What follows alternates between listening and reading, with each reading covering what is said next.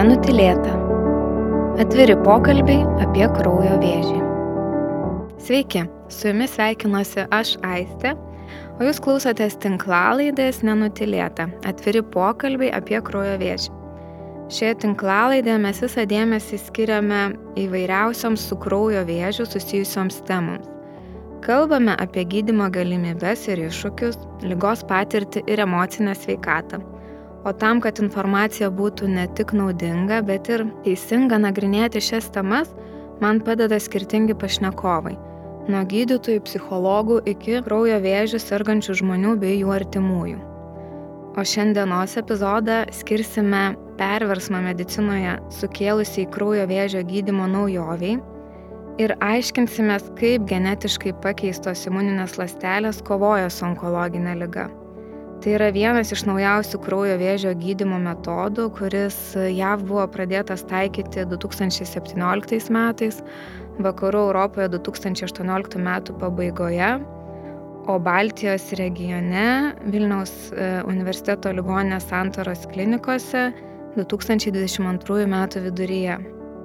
Taikant šį pažangų gydimo metodą, KRT ląstelių terapija, pacientų imuninės ląstelės yra genetiškai modifikuojamos tam, kad pradėtų kovoti su lyga. Skamba neįtikėtinai? Netrukus ir pasigilinsime, kaip tai vyksta praktiškai, kadangi studijoje su manimi yra Vilniaus universiteto ligoninės, Santoros klinikų hematologijos, onkologijos ir transfuziologijos centro, audinių banko ir ląstelių terapijos skyriaus vedėjas, gydytojas hematologas Adomas Bukauskas, kuris tikiuosi padės ir man, ir besiklausantiems šio epizodo geriau pažinti šią pažangę terapiją. Sveiki, Domai. Sveiki, ačiū, kad pakvietėt. Džiaugiuosi, jog šiandien užimate tinklalaidės svečio kėdę arba sofą. Tai ir pradėkime. Kasgi slepiasi už to trumpinio kartą? Taip, tai kartą. Tai kartą tai yra kartą limfocitai. T limfocitai tai yra ląstelės, kurios cirkuliuoja kraujyje tiek sveikų, tiek sergančiųjų pacie, e, žmonių. O tas tai, e, trumpinys KAR tai yra chimerinio antigeno receptoriaus. Tai visas pavadinimas būtų chimerinio antigeno receptoriaus T limfocitai. Dabar ką daro tas chimerinio antigeno receptorius? Tai jisai atpažįsta kraujyje tam tikrus receptorius, kuriuos, e, kuriuos turi vėžinė lastelė ją identifikuoja susijungdama su receptoriumi ir aktyvuojasi ir pradeda žudyti vėžinas ląsteles. Aš dar tik tai pa pa patikslinsiu, kad KRT limfocitai pradėti taikyti gydime ne 2017 metais, o 2017 metais jie buvo registruoti kaip gydimas. O pradžia galime mes grįžti netgi į maždaug 2011 metus, kai buvo pati garsiausia istorija iš tikrųjų. Emilė, nežinau, gal užbėgu už akių. Viskas gerai. bet, bet e, buvo tokia Emilė istorija, kur e, buvo taikytas gydimas kartą limfocitais, buvo tikrai labai sėkmingas ir jau, man atrodo, dešimt metų kaip e, Emilė yra sveika ir iš tikrųjų ji ir jo šeima yra labai šiuo metu dideli advokatai šitos pažangios terapijos. Mhm. Galit galbūt ir papasakoti šiek tiek apie tą e, atvejį, galbūt e, nežino ir, ir tie, kurie klausosi trumpai, kokia ten ta istorija. A, tai tai buvo kartą, kai dar buvo naujovė visiška ir kai apie ją žinojo tik tai patys didžiausi mokslininkai, iš tikrųjų tai visos naujovės iš principo gimsta JAV, tai JAV. Ir konkrečiai Emily istorija buvo ta, kad jinai sirgo kraujo vėžio lyga, kuriai kitas gydimas buvo neveiksmingas. Ir vienas iš tų naujovių, ką galvoja vis tiek tai vaikas, kaip padėti gydytojai ir buvo jau duomenų iki klinikinių, iki, ta prasme, laboratorinių, kad tas galėtų būti veiksmingas gydimas ir buvo pritaikytas gydymui ir ką mes matome, matome tai, kad praėjus dešimčiai metų pasaulyje tokių pacientų skaičiuojama tūkstančiais. Tai vat, noriu tiesiog užakcentuoti, kad per labai trumpą tarpą, laiko tarpą iš visiškos naujovės, mhm. tai atsiranda netgi kai kuriuose šalyse ir tikimės, kad ir Lietuvoje kažkuriuo tai metu yra kaip prastinis gydimas, kad tai nėra kažkoks tai tik tai tam tikriem žmonėm. Mhm. Kaip ir sakot, tuo metu buvo visiška naujovė ir dabar dar skamba kaip labai labai pažangus metodas. Tai gal ir aptarkime, kuo yra ypatingas šis gydimo būdas, kuo jisai pasižymi, kaip Na, veikia. Gal paprasčiausia būtų pasakot, kad kart terapijos atveju arba kart gydymo atveju tai gydo pačio paciento lastelės. Tai yra paėmamos lastelės iš sergančio paciento. Gal tiesiog trumpai kaip tas vyksta, ar ne? Mhm. Tai įdomiausia dalis yra tai, kad man tai bent jau, kad š, gydo pats pacientas pats save, ar ne? Taip. Aišku, šiek tiek atliekama tam tikrų modifikacijų interpų, bet Principas toksai, kad kai nusprendžiama, kad pacientui būtų naudingas e, šitas gydimas, jis iš tikrųjų iš pradžių yra ištiriamas, ar tikrai mes galėsime e, e, jam surinkti tas ląsteles ir kokybiškai pagaminti pro, tas ląsteles. Mhm. Tai etapas dar pirma, pirmoji dalis yra vadinama limfocitų aferezė. Ką tai reiškia? Tai reiškia, kad iš paciento yra surenkamos kraujo lastelės. Kaip pavyzdys, kas su tuo nėra susidūręs, tai galėtų būti ne visai tikslus, bet kraujo donacija irgi yra surinkimas tam tikrų kraujo kūnelių. Tai ir šiuo atveju yra surinkami T limfocitai. Ten daugiau bištygi lastelių yra negu T limfocitai, bet tie pagrindinė tikslinė, kaip sakant, ko reikia mums yra, tai T limfocitai. Ir kas? Ir tada pacientas savo darbą šioje vietoje atlikęs yra, ar ne, jisai duoda savo kraują ir tada tas kraujas jisai keliauja į laboratoriją, į tam specialiai įrengtą laboratoriją, pritaikytą šitos pažangios terapijos vaistinių preparatų, nes tai yra pažangios terapijos vaistinis preparatas pagal apibrėžimą ES ir e, laboratorija speci, specialiuose bioreaktoriuose, tai yra tokie uždaros sistemos, be, be sąveikos su aplinka yra pirmiausia išgryninamos ląstelės, tai žodžiu tas e, e, limfocito ferezatas dar yra išgryninimas ir tuo, po to yra atliekama genetinė modifikacija. Na, genetinė modifikacija tai yra tam tikra manipulacija, kurios metu į tą T limfocitą iš paciento surinko yra įterpiama tam tikra specifinė seka o tos sekos tikslas tai yra atpažinti jau vėžinę lastelę pas pacientą. Ir įvykus tai genetiniai modifikacijai jau nebelieka T limfocitas, mūsų tikslinis tas produktas, bet tai yra KRT limfocitai. Ir tada yra vykdomas auginimas, čia per daug aš neišsiplėsiu, bet po tam tikro dienų skaičiaus pasigamina tiek tų lastelių, kad jas būtų galima sulašinti pacientui. Ir kas tada daroma yra, paskutinė diena tos nuėmamos T lastelės, tai tie kartė limfocitai ir paruošiami taikymui, tai gydimui. Ir pacientui yra sulašinama. Dabar grįžtant prie paciento pusės, tai vienas dalykas, kad jisai tas lastelės savo davė, bet prieš tai, kai jie sulašinsim tuos T limfocitus, reikia skirti tam tikrą limfodepleciją, tai tam tikrą chemoterapiją tam, kad tos lastelės naujosios turėtų geresnę e, vietą darbui savo veiklai, ar ne? Tai tas prasideda ta limfodeplecinė chemoterapija penkias dienos iki sulašinimo. Tai jeigu vėl dabar grįžtame į sulašinimo epizodą, ar ne, tai yra sulašinamos lastelės ir po to pacientas yra prižiūrimas ligoninėje 14 dienų kaip taisyklė dažniausiai, po to išleidžiamas ambulatoriškai stebėsenai. Tai gal reikėjo trumpiau atsakyti, bet atsakiau ne. gana, gana, manau, gana, gana mm. išsamei. Taip. Tai čia tokie etapai, ar ne? Iš tikrųjų, šitas gydimas ir susideda iš tų etapų, kad pacientas paruošiamas, toliau ruošiama laboratorijai lastelės, ar ne, toks galima apibendrinti šiek tiek netgi, kad jo, būtų tai aiškiau. Pirmas dalykas tai yra į, ra, pacientas, kuriam reikia gydimo, yra nustatomas žmogus, kuriam reikės to gydymo ir ne, tada surengiamas konsiliumas ir gydytojų konsiliumas pritarė tam sprendimui ir sekantis etapas jau yra, kaip ir minėjau, pacientas tada e, atliekam jam aferezę, jis duoda savo kraujo, ar ne? Sekantis jo etapas jisai yra atsigula limfodepleciniai chemoterapijai, tai yra parašymai chemoterapija ir kartą infuzija ir po to yra jam suleidimas. Tai va tokie etapai yra gydimo, o gamyboje tai kai surinktas leukoferezatais, tam tikrą dienų skaičių yra visų, visų pirmiausia modifikuojamos ląstelės, o po to jos auginamos. Na nu, tai iš principo mes iš pradžių padarom tai, ko mums reikia, o po to mes padarom kiekį tiek, kiek mums reikia. Mhm. Taip, o po to, kaip ir sakiau, sulašinama iš pradžių ligonį stebėsina, o po to tam, tikri, tam tikrais laiko tarpais vyksta vizitai ir stebimas yra pacientas po šito gydymo. O kiek gali užtrukti e, nuo, sakykime, to paciento parašymo iki, nežinau, kurie etapai jūs laikote jau tokiu galutiniu, kaip apibriežti tą laiką, kiek gali užtrukti tas gydimas? Manyčiau, pradėti skaičiuoti reikėtų nuo kraujo davimo, ar ne, kada pacientas duoda kraują, nes čia jau yra jau susijęs su paciento tam tikru etapu, ar ne, tai kraujo davimas vienas etapas, tada vyksta KRT limfocitų gamyba, kuri trunka 12 dienų kaip taisyklė. Tada lastelės yra sulašinamos, tada pacientas dažniausiai stebimas dvi savaitės e, stacionarė, mhm. tai yra ligoninėje Jeigu neįvyksta tam tikrų e, komplikacijų, kurios irgi yra susijęs su šito gydymu, reikės apie šiek tiek užsiminti, vis tiek, kad žinotų paci pacientai.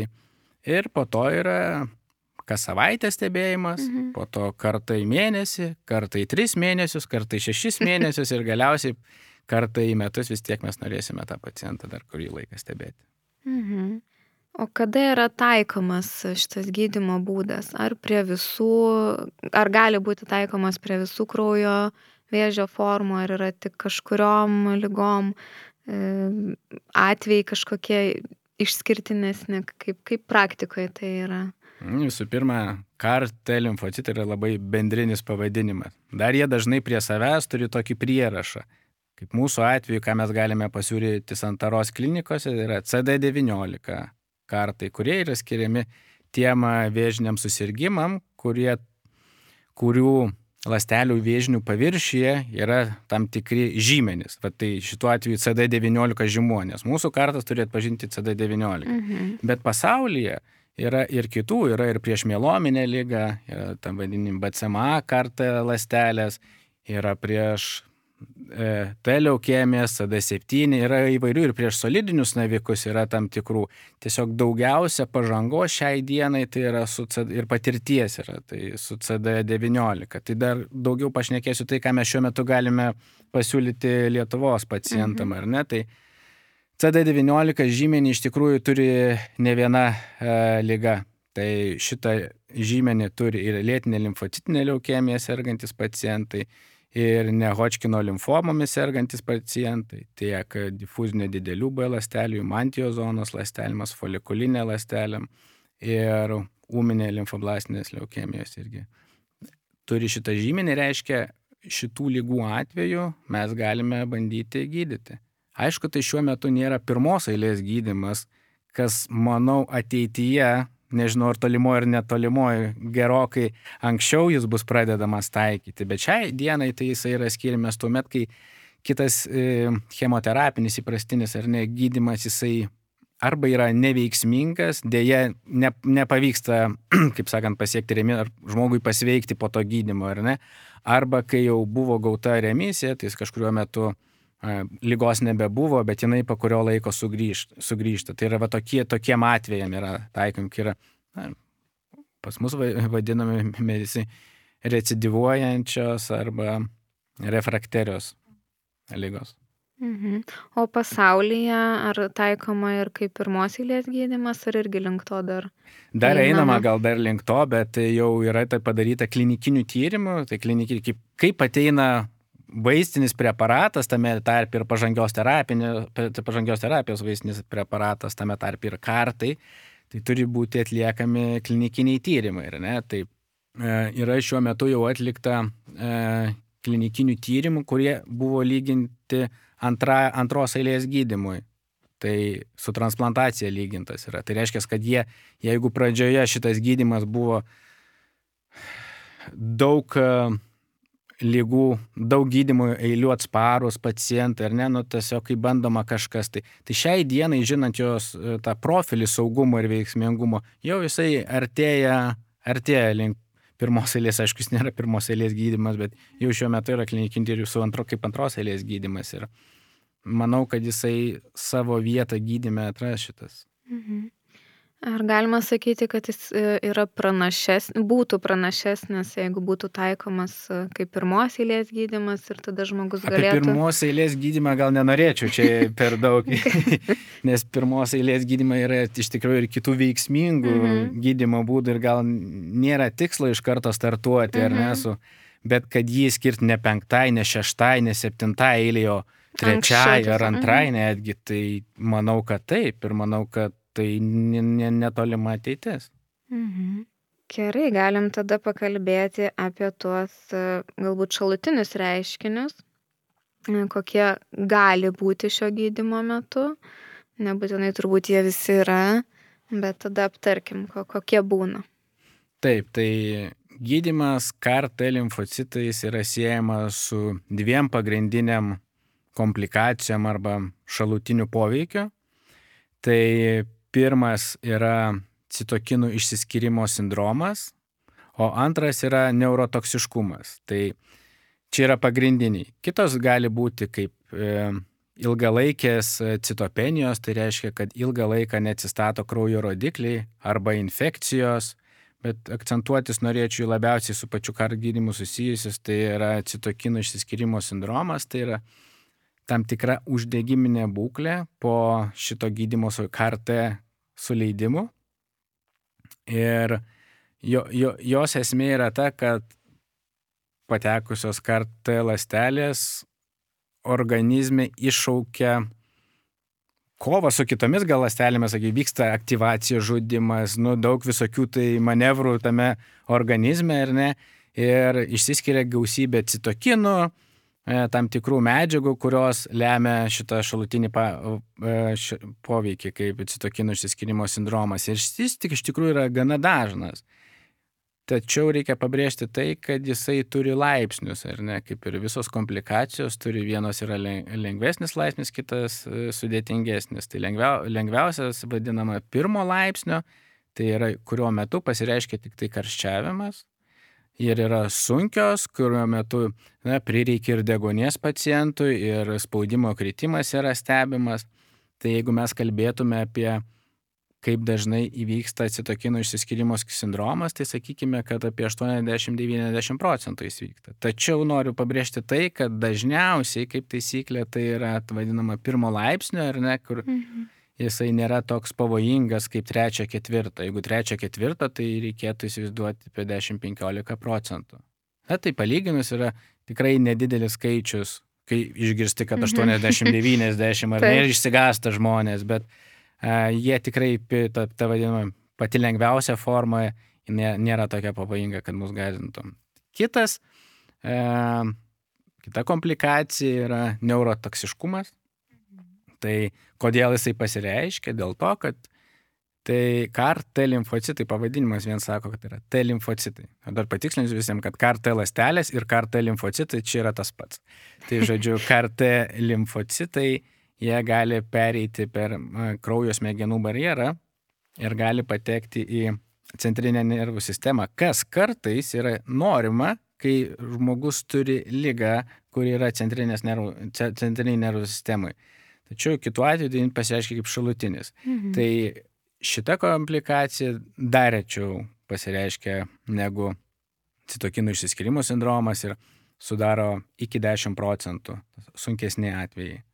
Taip pat, aišku, yra ir e, e, kraujo, nu, kaip užtrunka kraujo atsistatymas, tos citopenijos ilgalaikės. Mhm rečiau pasitaiko, bet irgi būna, na tai tiesiog e, žmogui gali tekti ilgesnį laiką taikyti kraujo perpilimus ar trombocitų perpilimus. Jis tuomet, jeigu yra mažiau neutrofilo ir kitų imuninių lastelių, tai reikia mm, didesnė yra rizika infekcijų. Tai šis, sakau, e, gydimas pasižymi tikrai dideliu efektyvumu, tačiau reikia suprasti, kad vaistai, taip pat ir kartai lastelės, jeigu jos veiksmingos, tai jos ir turi kažkokiu tai papildomų šalutinių poveikių, nes sakau, citokinų išsiskirimų sindromas tai yra iš principo veikimo mechanizmas. Mm -hmm. Tiesiog kartu toks tikslas yra žudyti ir dėl to susidaro. Ir dar viena e, komplikacija, ką reikėtų paminėti ir kuri yra ilgalaikė, tai yra vadinama B limfocitų aplazija Tai visi mes turime B limfocitus, kurie kovoja su infekcija, gamina antikūnus ir tie B limfocitai turi šitą žymenį CD19. Ir kadangi mūsų KRT CD19 yra nukreiptos prieš šitą žymenį, tai jos atakuoja ne tik vėžinas ląsteles, bet ir visas ląsteles, kurios turi šitą žymenį. Ir vat, B limfocitai turi šitą žymenį. Ir dėl to gali būti ilgalaikė B limfocito aplazija, kuomet irgi tuomet lašinamas imunoglobulinas tam, kad palaikyti tą gynybą nuo infekcijų. Tai čia būtų gal pagrindinės tokios komplikacijos, bet tikrai e, veiksmingumas gerokai pranoksta tą komplikacijų riziką. Ir vis tiek būtent dėl to turbūt ir tas stebėjimas yra paciento po, po gydymo, ar ne? Iš būtent, pradžių dažnesnis, vėliau rėtėja. Ir kai mes, žinokit, suleidžiame T limfocitus, kartą limfocitus, tai mes tam tikrais etapais įmame kraują ir jame stebime, kiek kraujyje yra tų suleistų e, lastelių. Mes turime metodus tam matuoti. Ir dėl to kiekvieno vizito metu, kai atvyksta, mes galime įvertinti, kiek tų lastelių yra. Arba kiek yra B limfocitų. Jeigu B limfocitų yra nulis, tai mum yra požymis, kad veikia, kad, na, žodžiu, viskas gerai. 19 lastelės yra žudomos. Tai, mhm. tai va, tai, tai tikrai toks rafinuotas gydimo metodas, kai tu ne tik žinai, ką skiri, bet tu turi galimybę mm, pastoviai stebėti ir ne, mhm. tą, tą, tų, tų lastelių kiekį. Mhm. O ką jaučia pacientai, sakykime, jeigu vat, pastebit kažką dėl, dėl minėtų B ląstelių, ar ne, ką jie, nežinau, kažkokie yra požymiai, ar, ar jaučiasi kitaip? Ne, dėl B tai jie po, požymių neturi, bet jeigu kalbėtume, jeigu tas dažniausias komplikacija, citokinų išsiskirimo sindromas, kaip taisyklė karščiavimas, tai yra. Tai yra aukštas temperatūrinis karščiavimas, jis tikrai pajaučia pacientas vis, ar, ar vis dar taikomas tik tai santaros klinikose? Ir papasakokit turbūt, nes tas irgi yra įdomu, kad net Baltijos regione yra tik tais Vilniuje, ar ne, santaros klinikose šitas gydimas taikomas. Taip, teisingai. Tai e, šitas e, gydimas taikomas, aišku, Lietuvoje ne vienintelė šalyje. E, yra ir kitų šalių kaip Vokietija, Ispanija, Čekija, ir dar kitų, bet jeigu mes kalbame apie Baltijos regioną, tai Santaros klinikose yra vienintelė šiuo metu vieta, kur yra taikomas šitas gydimas. Mhm. Ir tas yra dėl, dėl e, tų visų e, specialių paruošimų, ar ne? Kas tą nulėmė, kad e, mhm. kol kas yra tik tais... Jo, tai čia gal šiek tiek istorijos papasakosiu, mhm. ar ne? Tai vat, kilo, vat, jūs minėjote 2017 metus, 2018 metus, Tai sekėme mes tas naujienas ir žinojame, kas vyksta pasaulyje ir, ne, ir ta idėja kilo e, maždaug 18 metais, kad šitą programą reikia vykdyti. Mhm. Ir tai yra ligoninė ir mes norime gaminti pažangios vai, terapijos vaistinius preparatus ir skirti pacientam, akademiniai institucijai. Nes šiaip dažniausiai tai gamyba vyksta specifinėse, nu, vaistų farmacinėse gamyklose tai sužinojom, kad reikia atitikti nemažai reikalavimų ir gana stipriai pasiruošti tam. Dėl to tas įdėgymas, nu, pirmą, pirmą mes pacientą gydėm 2022 metais. Tai įvairių ten buvo, dėl ko tas užtruko, bet esminis, ką noriu pasakyti, tai reikia tikrai turi būti paruoštos patalpos, aplinka, darbuotojų, mokymai, kompetencijos kelimai, dokumentacijos, nes pažangi terapija nesuderinama su gamyba negeros gamybos praktikos patalpose. O geros gamybos praktikos patalpoms keliami labai labai aukšti reikalavimai. Tai šitą mes turėjome įsidėkti, mes tą įsidėgėm ir kadangi veikla yra prižiūrima valstybinės vaistų kontrolės tarnybos ir taip gaminti, nu, kaip ir negali, turi mm. gauti leidimą, kad galėtum gaminti, ar ne? Tai mes gavome leidimą Ir po dviejų metų vėl mes jį atnaujiname ir šiuo metu mes turime galiojantį vat, tą leidimą gaminti pažangios terapijos vaistinius preparatus, konkrečiai kartą e, limfocitus. Tai tikrai daug laiko, sakyčiau, daug laiko, kompetencijų kelimo ir dokumentacijos atsekamumo iš tikrųjų. Tai didelis darbas nuveiktas, čia galim pasidžiaugti tuo, kad. Taip, tikrai džiaugiamės, galimybę. labai nuostabus rezultatas, manau, ir, ir pacientam, ir, ir a, klinikoms kaip, kaip centrui tokiam, ar ne. E, kaip Dėl kompensavimo šiuo metu, ar šis gydymo būdas yra kompensuojamas, ar žadama jį greitų metų pradėti kompensuoti? Taip, tai gydimas turi būti kompensuojamas nuo kitų metų sausio pirmos. Yra dabar, nepati, nepasakysiu tiksliai, bet yra ministro įsakymas, birželio mėnesio, man atrodo, kuriuo yra nurodoma, kad bus kompensuojamas nuo 24 metų sausio 1 dienos, ką tai reiškia mum ir pacientam, tą, kad mes galėsime padėti gerokai didesniam pacientų skaičiui, negu šiuo metu esame padėję. Mhm. Tai labai viltingai žiūrime į 24 metus ir tikrai esame pasiruošę užtikrinti šitą gydimo prieinamumą Lietuvos pacientam, kuriem to reikia. O tarkim šiuo metu ir, ir vat, kaip minėjot, kad pirmajam pacientui, man atrodo, prieš metus ir buvo e, pirmai pacientai, e, kiek atsimenu, buvo lik reportažas ar kažkas e, rodytas. Tai kok, kokiais, kokio, kokios yra galimybės gauti tą gydimą, jeigu reikia, iki kompensavimo? Šiuo metu, bet turiu omeny nuo, nuo tuo 2022. Tai, tai, tai, tai pirmiausia yra žiūrima paciento naudos ar ne, vertinama yra kiek tai gali padėti pacientui, kokia jo būklė, kiek jis turi alternatyvių gydimo metodų, nes supraskite, kad kartai nėra vienintelis gydimo metodas, ar ne, jis tai labai pažangus, labai skamba įdomi ir taip e, viltingai, ar ne, bet yra įvertinama, ar jisai yra nepakeičiamas, ta prasme, ar čia yra geriausia alternatyva ir tam yra sprendžia ne vienas žmogus, tam yra gydytojų komisija sudaryta, kuri apsprendti individualų atvejį, kuriam galėtų padėti ir tada, jeigu yra priimamas sprendimas, kad šitam pacientui reikia taikyti šitą gydimą, tai jis ir bus taikomas. Mhm. Tai tuomet laukiam to kompensavimo ir gal dar galit pasidalinti, čia neminant kažkokių asmeniškų detalių, bet uh, pacientų istorijomis, e, ar, ar kažkokių yra sėkmės istorijų, kur, sakykime, po, po sugrįžusios lygos buvo taikytas kažką iš, iš centro pavyzdžių. Gal galit papasakoti? Nu, tai yra tų pavyzdžių iš tikrųjų ir ne vienas, ir su Lietuvos piliečiais, ir ne su Lietuvos piliečiais. Ir, a,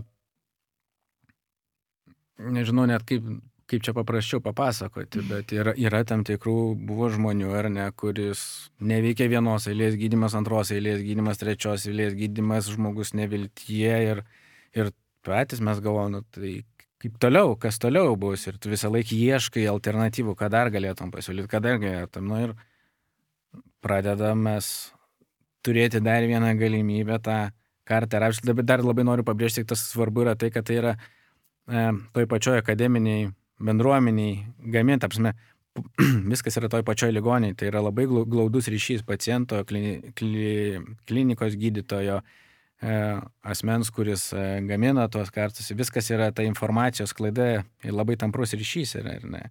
Taip grįžtant prie pacientų, tai taip, ir sutaikai tą gydimą ir stebėk, kai iš pradžių kas savaitę, kiek ten tų kartą limfocitų yra, planuoja, ha, čia veikia daugiau, geriau, mažiau, e, po dviejų savaičių, po trijų savaičių, po to vertini visus tos vizualinius tyrimus ar net liekamus ir, na, tiesiog kartais smagu labai matyti, kai pacientas vis ateina ir lygos nėra. Mhm. Ir turbūt, jeigu tai yra, vat, kaip ir sakot, tre, bando trečios, ketvirtos eilės gydimą, tai jau ir, ir žmogui atsiranda tam tikras nusivylimas, kad nieks čia tas nepadeda, tas tarsi nepadeda, nu vis tiek lyga. Ir po šito sunku net patikėti turbūt, kad jau tokie geri rezultatai. Tai kuo toliau, tuo lengviau patikėti, nes kuo toliau, tuo daugiau mes ir patys patirties įgaunam, nes pradžioje tai buvo, nu, irgi mes pradėjom, tai žinių galim turėti daug, bet tokios praktinės patirties gal nebuvo, dabar atsiranda ta praktinė patirtis, tas vertinimas, bet um, labai daug informacijos jau yra pasaulinėje erdvėje ir kadangi nu, mes visi mėgstame tą literatūrą, mokslinę skaityti ir atsinaujiname savo žinias dažnai, tai kuo, kuo toliau, tuo tau lengviau patikė, kad iš tikrųjų šitas gydimo metodas nu, yra antiek svarbus, kaip įsivaizduokime, kažkada buvo transplantacija, antiek mhm. svarbus. Tai mano asmeninė nuomonė tai yra jis tiek pat svarbus, kaip kažkada buvo transplantacija. Aš ir norėjau palyginti, kad šiek tiek yra nu, panašumų su, su transplantacija, turbūt, nu, apie patį pasiruošimą, sakykime, tą lastelių sulašinimą, stebėseną toks. Tai jo, iš tikrųjų, tai jeigu taip žiūrint mechaniškai, tai yra panašumų, tiesiog tik substratai. Taip, taip, taip, taip būtent. Ten kamienės lastelės, taip. vienas lastelės, o čia kitas, bet taip, tas surenkamos lastelės, ar ne, čia tik tai dar biškai jos panimodifikuojama, kažkas padaroma biškai daugiau, ar ne, ir tada sulažinama, kažkiek tu įpabūni ligoniniai, po to atvyksti stebėjimo vizitam, taip, tai yra. O gal teko susidurti, kaip pacientai reaguoja, nes e, kai prasidėjo, nežinau, gydimo e, transplantacijos pradžioje, tai turbūt irgi atrodė labai keista, kad e, lygą gali išgydyti donoro lastelės, kad kito žmogaus, kur tu net nepažįsti, čia sulašina tau lastelės ir įveikia lygą. Dabar jau mes einam prie to, kad tavo paties lastelės tau padeda įveikti lygą, kuri yra tavyje. Tai gal teko kažkokiu reakcijų girdėti, kaip, kaip žmonės reaguoja, kaip pristatot, kad štai tokia naujovė. Nu, man, man bent jau, man taip, dar didesnis atrodo stebuklas, ne, kad mm -hmm tavo lastelė, jin pas tavę visą laiką buvo, tu susirgai lyga, nu jin buvo, bet paėmė po to tą lastelę, tu ją apmokiai, nu tu ją biški padėjai, bet, žodžiu, ta lastelė, jos principai veikimo yra tie patys ir su, su, suleidai ir, nu, taip, įvyksta stebuklas. stebuklas tas, kad jo lyga naikinama ir nu, tas kelia didelį džiaugsmą ir, ir pacientai šiaip tai jie žino, kad yra toksai kart gydimas. Labai miglotai, gal kažką žino, gal tai lietuvišk, lietuviškų literatūrai, lietuviškas jų spaudoje yra gana mažai mhm. informacijos, mhm. jos yra labai daug užsienio, jeigu tai. angliškai skaito klausytojai, tai pilna informacijos yra. Lietuvoje gal jie kažką žino, nu ten tie kartai, va kažką kartai, kartai, kartai. Tai, tai Bet dar trūksta, ar ne, vis tiek, e, matyt, informacijos tikrai lietuvių kalba labai mažai yra. Mm. Bet. E, Manau, jo, gal, gal kažkiek tai, turbūt su laiku. Atsiras. Ir tų pacientų didesnis kiekis bus gydimas ir tikrai, manau. Išgirsim ir istorijas turbūt, ar ne? Manau, kad tikrai tai. E, pačioj pradžioj šiek tiek aptarėt ir, ir minėjot apie tą šio gydymo ateitį, kaip jūs įsivaizduojat, galim gal dar šiek tiek sugrįžti prie, prie to, mm, nežinau, gal dar yra kažko papildyti, kaip jūs matot e, kartų ateitį kaip gydimo. Mhm. Galim čia ir, ir pasvajoti. Nu, čia mes galime išsiplėsti iš tikrųjų ir nueiti nuo temos kart į lastelių terapiją. Nes kar... Galim trumpai išsiplėsti. Taip, nes ka, ka, kartai limfocitai tai yra tam tikra rušis lastelių terapijos, pažangios terapijos. Bet yra NK kartai, yra daug įvairiausių pačių tų kartų patobulinimų, kur pastiprinamas yra jų veikimas per vidinius tam tikrus signalus. Aš per daug tikrai nesiplėsiu, bet mhm. tiesiog noriu pasakyti, kad niekas nėra sustojęs ties tuo, kad buvo ten registruoti gydymui 17 metais kartai, jie visą laiką tobulėja, yra nauj, naujo, naujo, kaip sakant, e, naujos generacijos kartai limfocitai. Ir lastelinė terapija hematonkologinėse lygose įtaka kaip gydimo pasirinkimo tikrai didės ir manau, kad tą patį mes stebėsime, šiek tiek atsilieka, bet solidiniai navikai, tai yra ne, ne, ne onkohematologiniai, bet e, solidiniai navikai. Ir mm, tame gydyme irgi bus daug proveržių ateityje. Tai aš nebejoju, kad lastelinės terapijos ateitis yra šviesi.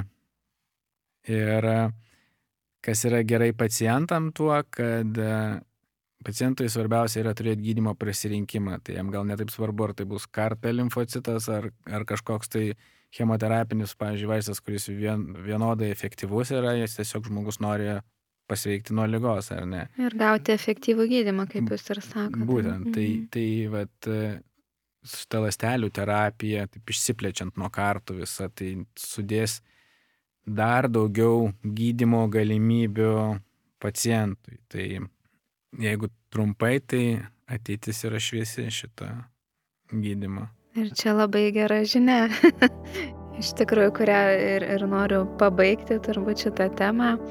Ačiū Domai už pokalbį, už e, paprastai pateiktą informaciją apie na, tokį labai pažangų ir e, galbūt e, mažiau susidūrusiems ir sudėtingai skambantį gydimo būdą.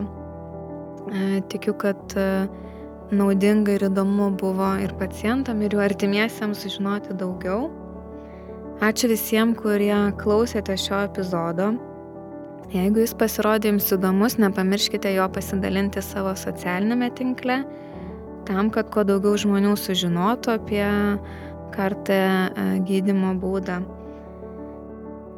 Ir specializuota tinklalaidė nenutilėta. Kviečiu nepraleisti ir kito mėnesio epizodo, kuriame turėsite galimybę išgirsti kaulų čiulpų donoro patirtį. Tinklalaidę nenutilėtai gyvendina asociacija Kraujas, vienijant tikrojo lygomis sergančius ar sirgusius žmonės, jų artimuosius, medicinos specialistus ir kitus, kurie palaiko asociacijos veiklą. Tinklalaidę siekiame suteikti daugiau informacijos apie kraujo lygas ir su jomis susijusias problemas padėti priimti lygą, įkvėpti drąsos ir parodyti, kad e, nors gyvenime po kraujo vėžio diagnozės atsiranda pokyčių, jis tikrai nesustoja, gali džiuginti ir būti visavertis. O daugiau informacijos tiek apie asociacijos kraujas veiklą, tiek apie tinklalaidę ir visus jos epizodus visuomet galite rasti mūsų interneto puslapyje arba Facebook paskyroje. Iki kito karto.